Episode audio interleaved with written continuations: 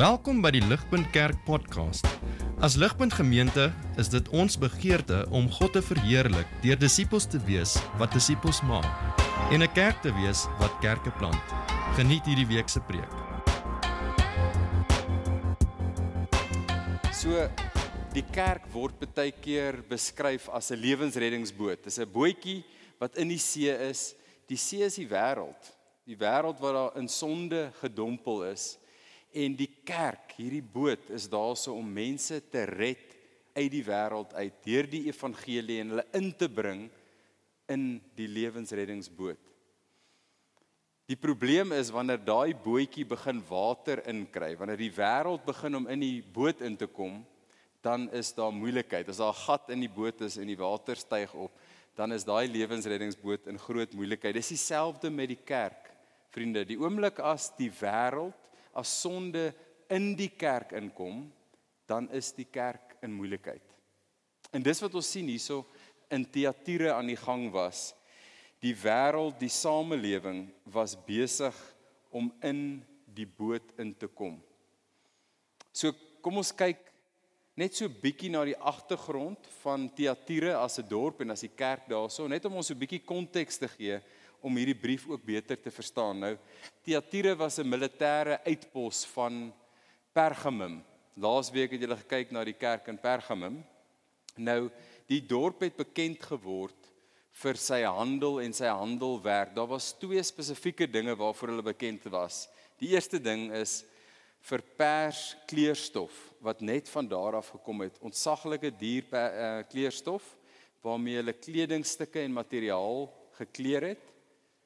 En die tweede ding waarvoor hulle bekend was was vir fyn bronswerk wat hulle in Thyatira gemaak het en gedoen het.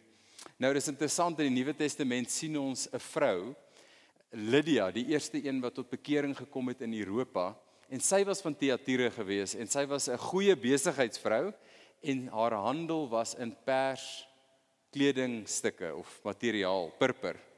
En ehm um, so, so sy was ook aan die handel dryf 'n uh, 'n toonbeeld van Thyatira uh, se handel. Nou as gevolg van die fokus op handelwerk in hierdie dorp was handelgildes 'n belangrike deel van die samelewing of die sosiale strukture. Nou, wat is 'n handelgilde? Ek dink die naaste daaraan in ons samelewing is waarskynlik soos 'n lokale werkersunie waar jy bymekaar kom saam met die ander ouens in die gilde en dis waar jy 'n besigheid doen. Maar die manier hoe hierdie handelsgilde byeenkomste gewerk het, is dat dit 'n sosiale byeenkoms was waar hulle feesmaaltye gehou het. Nou, ek dink weer eens vir ons is dit moeilik om dit in te dink, maar die naaste is dit waarskynlik kongresse of seminare of konferensies wat gehou word waar ons bymekaar kom vir besigheidsdoeleindes en waar ons saam kuier, maar ons doen ook besigheid en ons bou ons netwerke. Nou By hierdie feesmaaltye het hulle natuurlik kos geoffer eers aan die plaaslike afgod. Nou die plaaslike afgod in Thyatira was Apollo. Apollo is die daar's 'n groot tempel vandag nog kan jy die ruïnes van hierdie tempel gaan sien in Thyatira. En Apollo is die seun van Zeus, die oppergod van die Grieke. En een van sy titels is die seun van God. So by hierdie feeste sou daar kos geoffer geword het aan Apollo en dan is dit ook gepaard gaan met immoraliteit, dronkenskap, maar ook seksuele losbandigheid. Dit was maar net deel van hoe hierdie byeenkomste gewerk het. Nou in so samelewing waar jou werksgeleenthede en jou handelsnetwerke afgehang het van hoe jy deelneem aan hierdie feesmaaltye het daar 'n probleem ontstaan vir Christene. En die vraag wat begin ontstaan het by die Christene is: hoe moet ons onsself gedra by hierdie byeenkomste? Hoe tree ons op? Hoe moet ons lyk? En dis waar die probleem was. Die samelewing se manier van dinge doen het in die kerk in Thyatira ingekom. Die water was in die lewensreddingsboot en is in hierdie konteks wat ons vir Jesus sien kom na hierdie kerk toe. En ons sien in daai eerste vers bring hy drie beelde uit Openbaring 1 uit waar hy homself beskryf wat hy bring na hierdie kerk in Thyatira met baie spesifieke redes. Lees saam met my daar in vers 18. Hy sê The words of the son of God who has eyes like a flame of fire and whose feet are like burnished bronze. Sien, dit is amper asof Jesus kom na hierdie kerk toe en hy sê julle mag dalk begin luister het vir die woorde van Apollo, die seun van God, die samelewing wat hulle doen. Maar ek sê vir julle, ek kom na julle as die ware seun van God met die ware woorde van die gees van God. En hy sê verder, beskryf hy homself hierso as die een met glansende oë wat soos vlamme is. Dis oë wat deur alles penetreer, wat alles sien en alles weet. Niks kan van sy oë weggesteek word nie. In vers 23 sê hy self, I am he who searches hearts and minds. Hierdie is Jesus wat alles weet en alles sien. As ek dink as ons vandag 'n woord moes gee vir hierdie oë van vlamme, dan sou dit waarskynlik gewees het extraal oë, x-ray eyes. Want hy sien nie net oppervlakkig nie, hy sien tot in die hart. En dan sien ons hierdie Jesus in hierdie stad waar hulle bekend was vir fyn bronswerk. Hy kom met bronsvoete van heiligheid en van oordeel na sy kerk toe. En dan bring hy die woorde spesifiek vir hierdie kerk. En ek wil hê ons moet kyk na hierdie woorde wat Jesus vir hierdie kerk bring aan die hand van vier punte.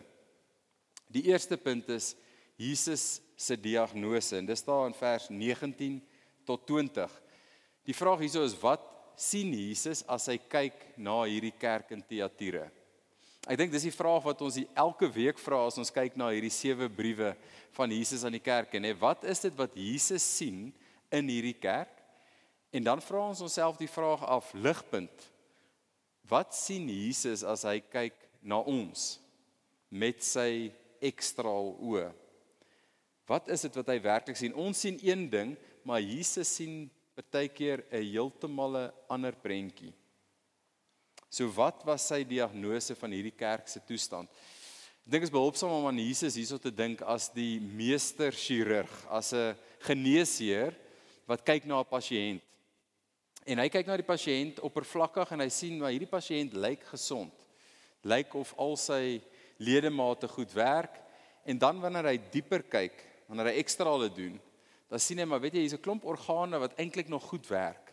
Die goeters funksioneer goed, maar hier diep binne sit daar 'n kanker. Sit daar iets wat besig is om te groei, iets wat uiteindelik hierdie pasiënt gaan doodmaak. So wat is die goeie dinge wat Jesus hierso sien? Hy kyk na hierdie kerk en daar in vers 19 sien ons hy sê ek ken julle dade. Ek weet dat daar in hierdie kerk liefde is en geloof is. En daai liefde en geloof word uitgelewe in diensbaarheid. So hierdie kerk was bekend vir hulle diensbaarheid en dit word uitgeleef in volharding en endurance in geloof.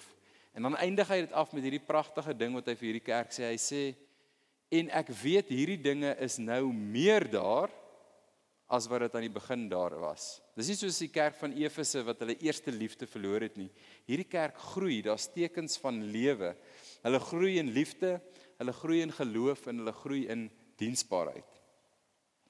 As ek en jy in daai kerk sou inloop, sou dit miskien baie gevoel het soos dit vanaand gevoel het toe jy hier inloop. Dis 'n hegte familie. Ons kuier lekker saam. Daar's liefde, daar's interaksies wat ons het. Ons wandel saam, daar's 'n gemeenskap en wat mekaar dien. Maar die realiteit is 'n uh, ligpunt wat sien Jesus nog? Wat sien hy nog in ons kerk hierso vanaand? En wat het hy nog gesien in hier in Thyatira? sien Jesus sê dat saam met hierdie goeie dinge het daar water in die boot ingekom. En dis wat hy nou uitwys. Jesus sê hierso in vers 20 tot 21, kyk saam met my. Hy sê, "But I have this against you, that you tolerate that woman Jezebel, who calls herself a prophetess and is teaching and seducing my servants to practice sexual immorality, and to eat food sacrificed to idols. I gave her time to repent, but she refuses to repent of her sexual immorality. sien die probleem wat Jesus hierso sien met sy oë van vlamme, sy ekstra oë, is dat hierdie kerk is verdraagsaam. Hulle is aanvaardend. Die Engelse woord daar is hulle is tolerant van die water wat in die boot gekom het, nê. Nee. Nou die ironie daarvan is dat ons lewe in 'n postmoderne kultuur, nê. Nee. Postmoderne kultuur waar ons verdraagsaam is van alles. Tolerance is die hoogste waarde. Dis die belangrikste ding wat jy in ons samelewing kan doen. Is dit jy moet net nie iets sê wat iemand anders se siening gaan ontstel nie. Maar Jesus kom hier en hy sê die grootste probleem wat hierdie kerk het is dat hulle tolerant is.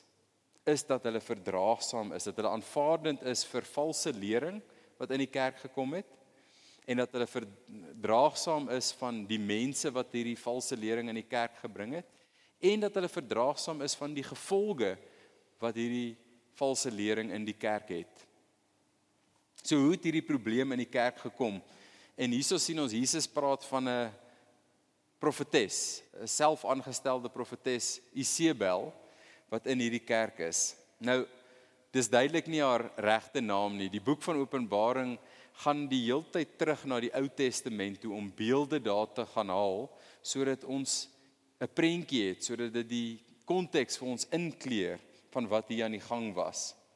As jy vir Isebel wil ontmoet, dan moet jy teruggaan na 1 Konings toe. En uh, daar ontmoet ons vir Isebel as die vrou van koning Agab. Agab was die koning van die noordelike 10 stamme.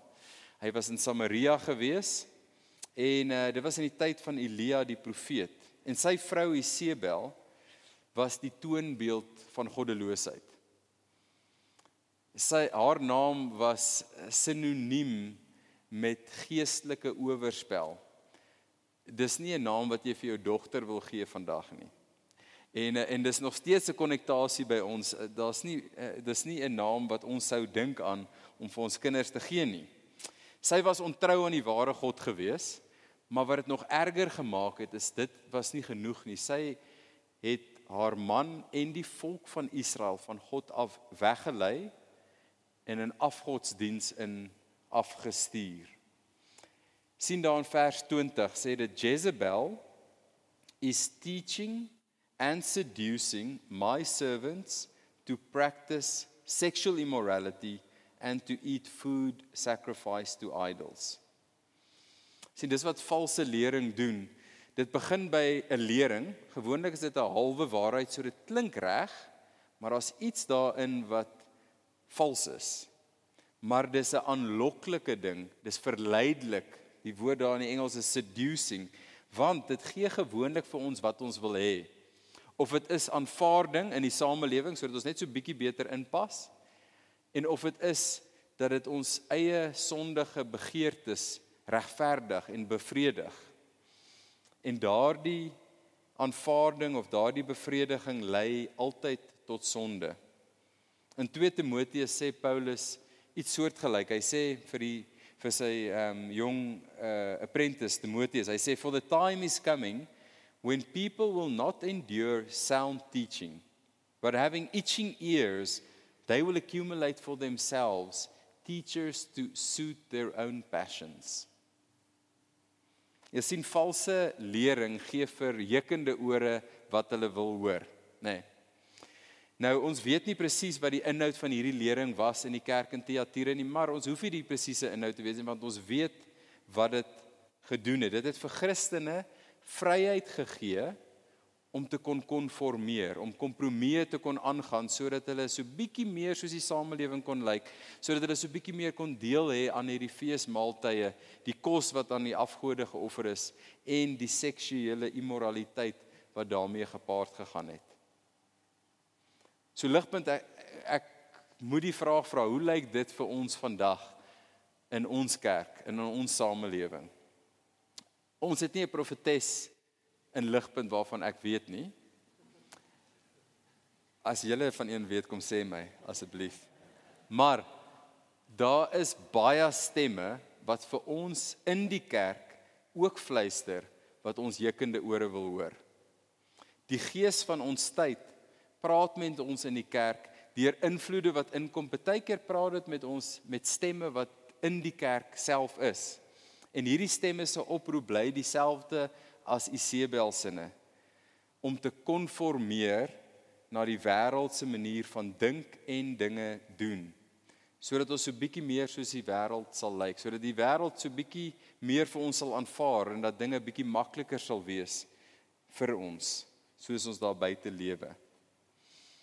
Nou watter praktyke en sosiale norme in ons kultuur en ons samelewing sit vir ons onder druk om te konformeer en aan te pas by die kultuur waar ons onsself in bevind. Nou in 'n samelewing waar tolerance, waar verdraagsaamheid die hoogste waarde is, is so baie van wat Jesus gesê het so ontsaglik aanstootlik vir mense en vir die samelewing. Maar daar is spesifieke areas wat ek dink baie relevant is en wat ek dink ook nou belyn is met wat in Thyatira aan die gang was. So ek gaan vir ons twee voorbeelde noem. Uh waar ek dink daar baie raakpunte is met wat Jesus vir die kerk in Thyatira gesê het. Die eerste ene is in die area van seks. Seks in ons samelewing is 'n major ding. Maar God se woord maak dit ook baie duidelik dat hy is die een wat seks geskep het, nê. Nee.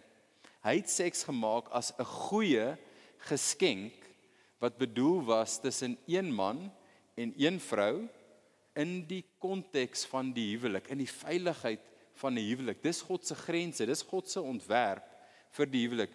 Nie voor die huwelik nie, ook nie buite hierdie huwelik nie, maar binne hierdie veiligheid van hierdie grense het hy bedoel dat die goeie geskenk van seks geniet moet word.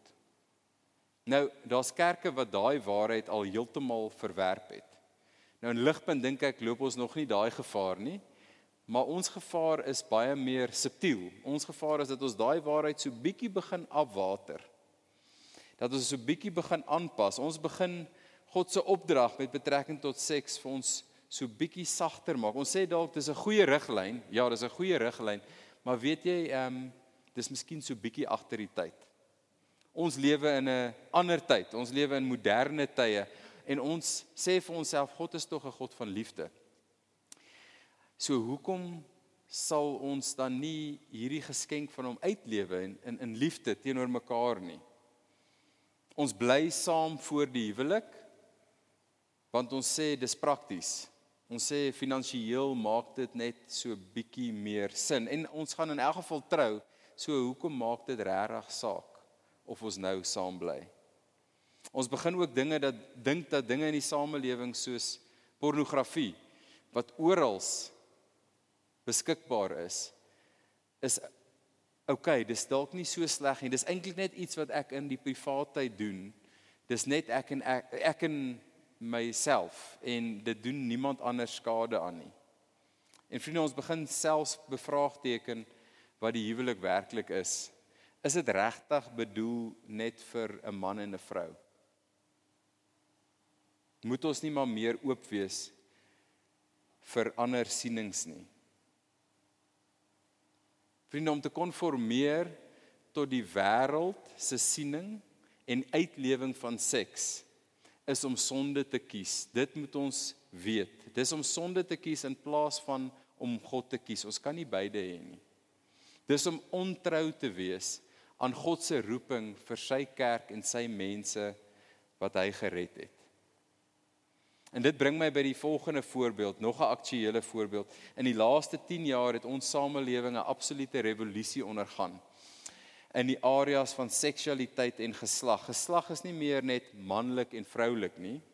Ons het nou 'n verskeidenheid van kombinasies van seksualiteit en seksuele voorkeur.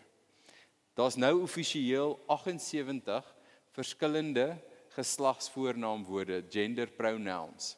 En jy kan kies wat se een van daai jy mee assosieer. Jy kan vandag een kies en jy kan môre 'n ander een kies.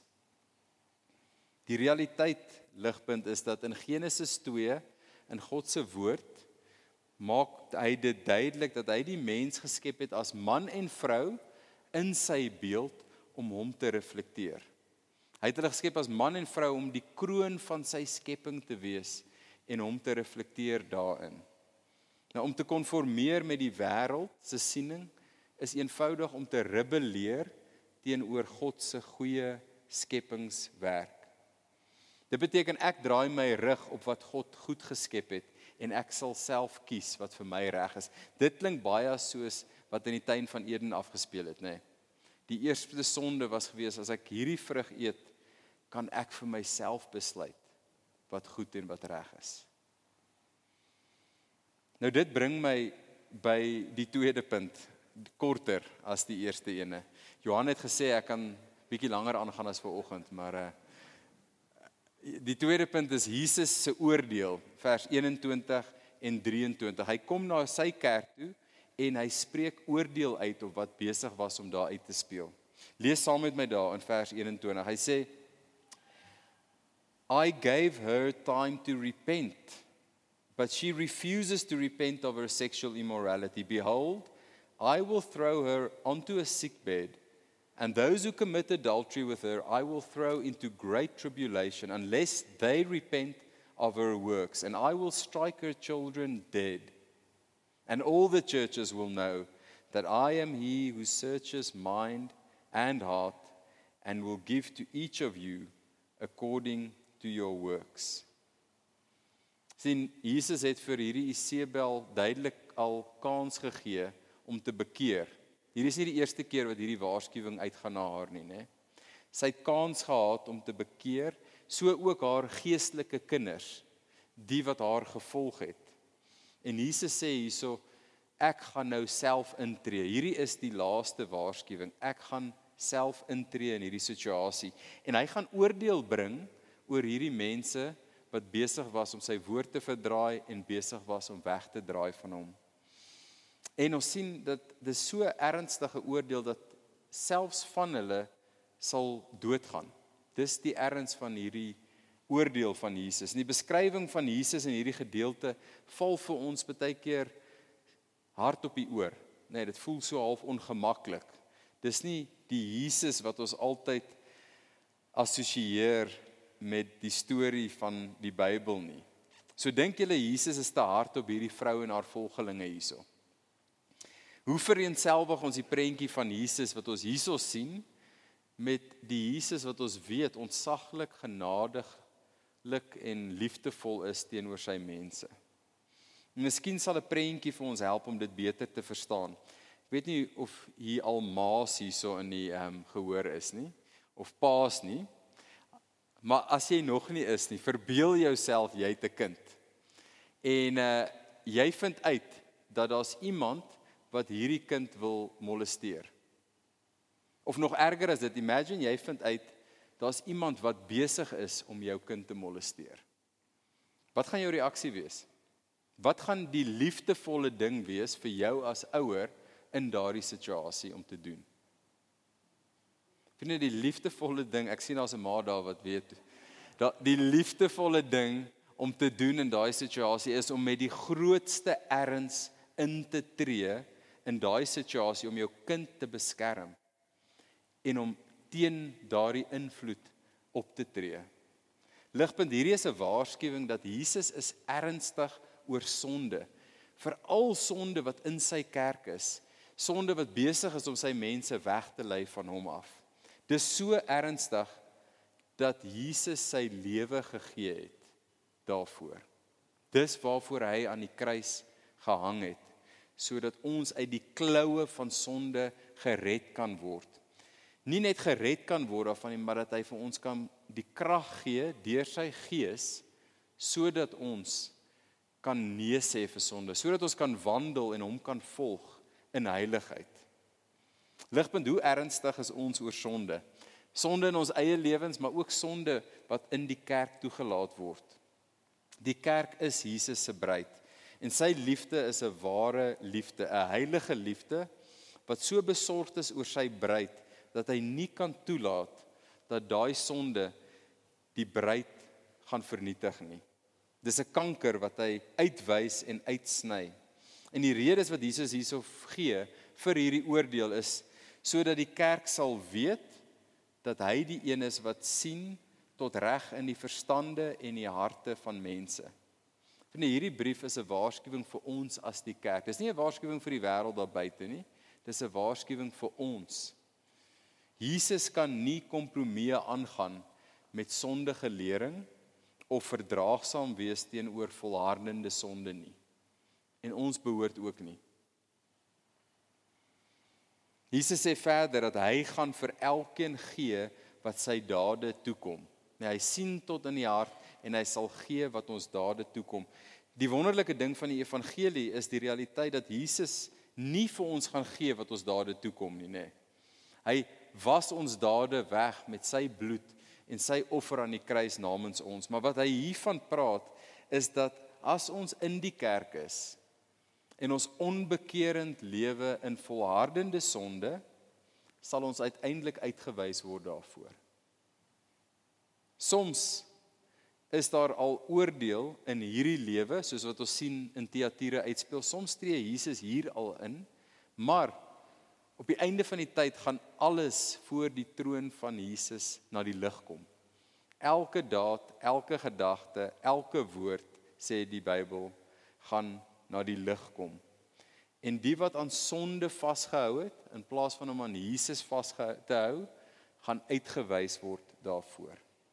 Vriende, dit bring my by die derde punt wat Jesus hierso maak. Jesus se oproep in vers 24 en 25. In vers 22 net voor hierdie gedeelte sien ons dat Jesus die deur van bekering oophou. 3 keer praat hy van bekering. Hy sê hy het gewag dat hulle moet bekeer. Hy wag nog steeds en en ligpunt ek moet hierso net weer sê, daai deur bly oop. Die deur van bekering as daar van ons hierso is wat nog in volhardende sonde lewe en vashou, die deur van bekering is oop. Draai na Jesus toe draai weg van daai sonde, gee dit vir hom en aanvaar sy versoeningswerk namens ons en loop agter hom aan. Maar hierso in vers 24 en 25 gee hy 'n oproep aan die wat in die kerk is, maar wat nog nie aan hierdie lering vasgeklou het nie. Miskien het hulle al begin dink daaroor, so bietjie koers begin verloor, maar hulle het nog nie in daai sonde vasgeval nie. En hierdie is die oproep vir daai mense, vir die van ons wat hierso sit. Hy sê in vers 24 en 25, kyk saam met my. But to the rest of you in Thyatira who do not hold this teaching, who have not learned what some call the deep things of Satan, to you I say, I do not lay on you any other burden. Only hold fast what you have until I come. Sien Jesus sê twee dinge hierso.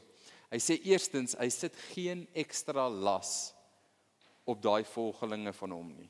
Jesus is nie in die besigheid om swaar laste op sy volgelinge te sit nie. Om die waarheid te sê in Matteus 11 in Jesus se aardse bediening het hy gesê kom na my toe want my las is maklik en my juk is lig.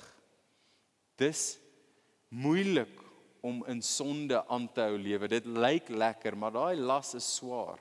Jesus sê kom na my toe. My las is lig. My juk is maklik. Tweedens roep Jesus hierso vir hulle om net eenvoudig vas te hou aan wat hulle het. Hou vas aan die woord wat hulle het. Hou vas aan Jesus self tot hy terugkom. Vriende, dit is goed miskien vir ons om ook net hierso vir 'n oomblik stil te staan om te dink, hoe hou ons vas aan wat ons het in Jesus? Hoe hou ons aan hom vas? Hoe hou ons aan sy woord vas? En die realiteit hierso is dat die manier hoe ons vashou is om sy woord nie net te hoor nie, maar om sy woord aan te klou en toe te laat dat dit insak in ons lewe. In vers 29 sê Jesus: "Die wat ore het, moet luister na die woorde van die gees van God. sien as Christene nie hulle Bybels ken nie. As ons nie ons Bybels ken nie, dan is ons vrugbare grond vir die duiwel se dwaalleringe. Die duiwel kom nie na ons met 'n pak leuns toe nie. Hy kom met 'n halwe waarheid. Hy kom met iets wat klink soos 'n spesiale nuwe lering. Dis 'n dis 'n nuwe manier van die Bybel lees. Dis so bietjie minder eng. Dis so bietjie meer verlig, dis so bietjie meer gesofistikeerd. Nou in Teatira lyk dit of hierdie lering genoem was die diep dinge van God. Dis wat Isebel en haar volgelinge geleer het. Maar Jesus kom hierso en hy sê dis nie die diep dinge van God nie, dis die diep dinge van Satan wat jy mee besig is. So ons het nodig om Jesus se woorde te ken sodat ons kan onderskei wat die woorde van die gees van die tyd is en wat die woorde van die seun van God is. So laat ek vir ons vra, hoe gaan dit met ons tydspandering in God se woord? Ek dink as ons eerlik is, dan is weet ons ons is 'n kultuur wat eintlik baie sleg is om God se woord te bestudeer. Maar Jesus het gesê a man shall not live from bread alone but from every word that comes from the mouth of God.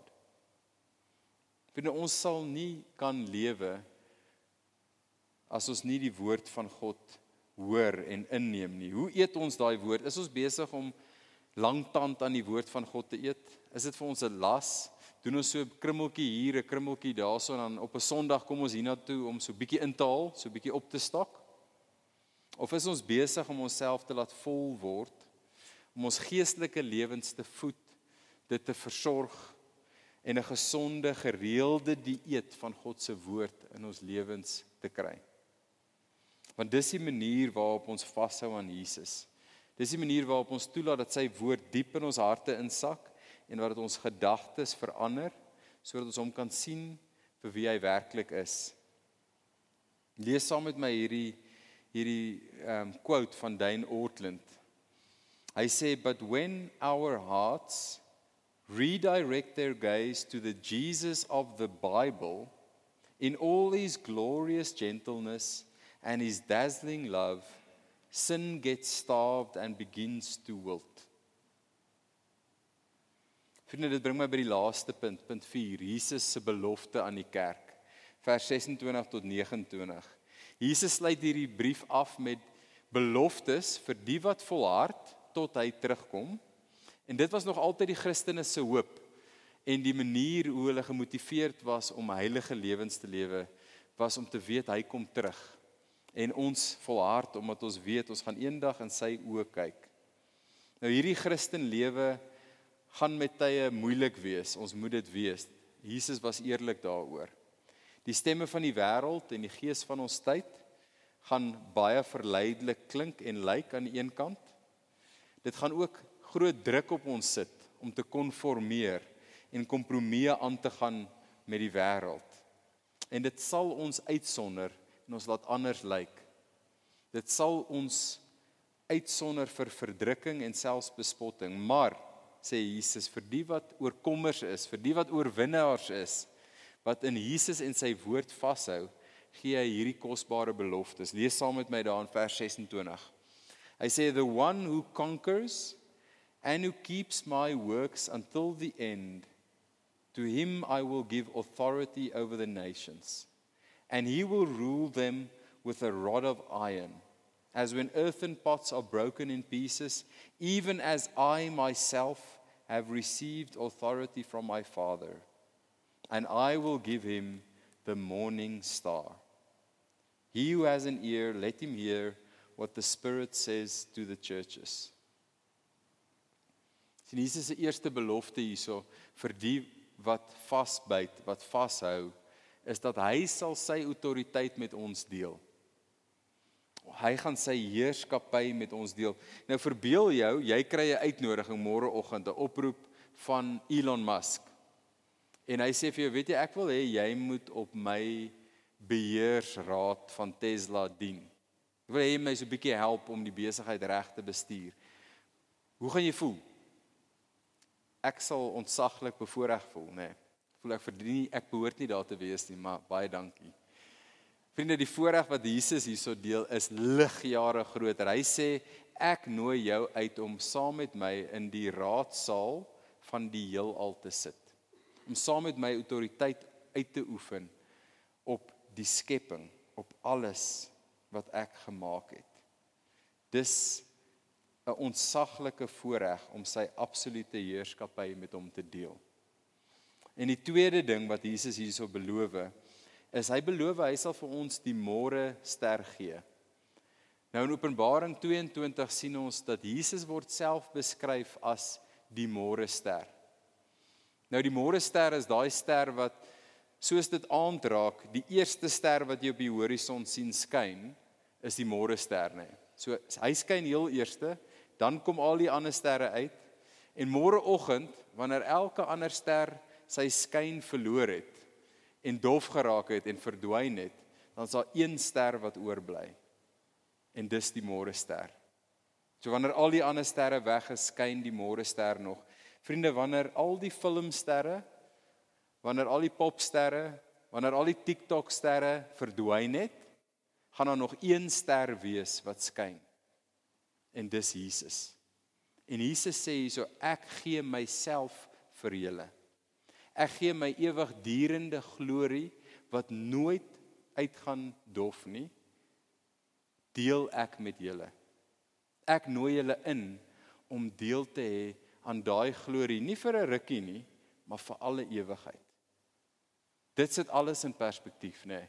Dit beteken al hierdie klein opofferingkies, die nee sê vir sonde, gaan oor en oor die moeite werd wees.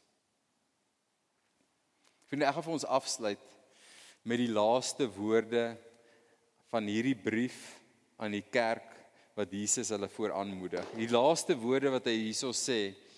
Geen wonder nie, dis 'n harde woord. Dis 'n harde woord gewees vir Thyatira, dis 'n harde woord vir ons om te hoor. Maar Jesus sluit dit af daarom met hierdie woorde. Hy sê, "He who has an ear, let him hear what the Spirit says to the churches." Vriende, mag ons dit nie net hoor en vergeet daarvan nie, maar Jesus sê, mag ons hierdie woord hoor en mag ons toelaat dat dit insak in ons binneste. Mag ons ore hê wat nie juk om te hoor wat die wêreld vir ons fluister nie, maar mag ons ore hê wat hoor wat die woorde van die ware seun van God vir ons sê. Mag ons woorde hoor, mag ons ore hê wat vinnig is om te bekeer, wat vashou aan die goeie nuus van Jesus en dat ons lewens oorvloedig vol sal wees van die volheid van sy woord sodat ons sal uitsien na die toekoms, die wonderlike glorieryke beloftes wat hy vir ons voorhou. Laat ek vir ons afsluit in gebed aan die hand van hierdie woorde. Here Jesus, ons is oorweldig deur die ontsaglike voorreg waartoe U ons roep. Ons is oorweldig om te dink dat U ons nie net red van ons sonde nie, maar U red ons sodat ons U kan volg, sodat ons kan nee sê vir sonde, sodat ons heilig kan lewe agter U aan. En dan wanneer ons val, dat ons kan terugdraai na U in bekering. Maar Here, ons is oorweldig deur die wete dat U roep ons om eendag saam met U te heers. Dat daar 'n toekoms is wat ons nie eers nou kan indink nie, maar wat gevul gaan wees met glorie. Here, ek bid en ek vra dat dit die ding sal wees wat ons dryf, wat ons motiveer, wat ons môreoggend as ons die week ingaan, sal motiveer, Here, om nie te konformeer tot die wêreld nie, maar om vas te hou aan Jesus, aan die ware woord van die ware lewe. Ons bid dit en ons vra dit want U is waardig, U verdien al die glorie. Maar Here, ons bid dit want ons weet dis die goeie lewe vir ons. Ons dankie vir hierdie goeie glorieryke nuus. Amen. Vir meer inligting oor Ligpunt Kerk, besoek gerus ons webwerf op www.ligpunt.com of kontak ons gerus by info@ligpunt.com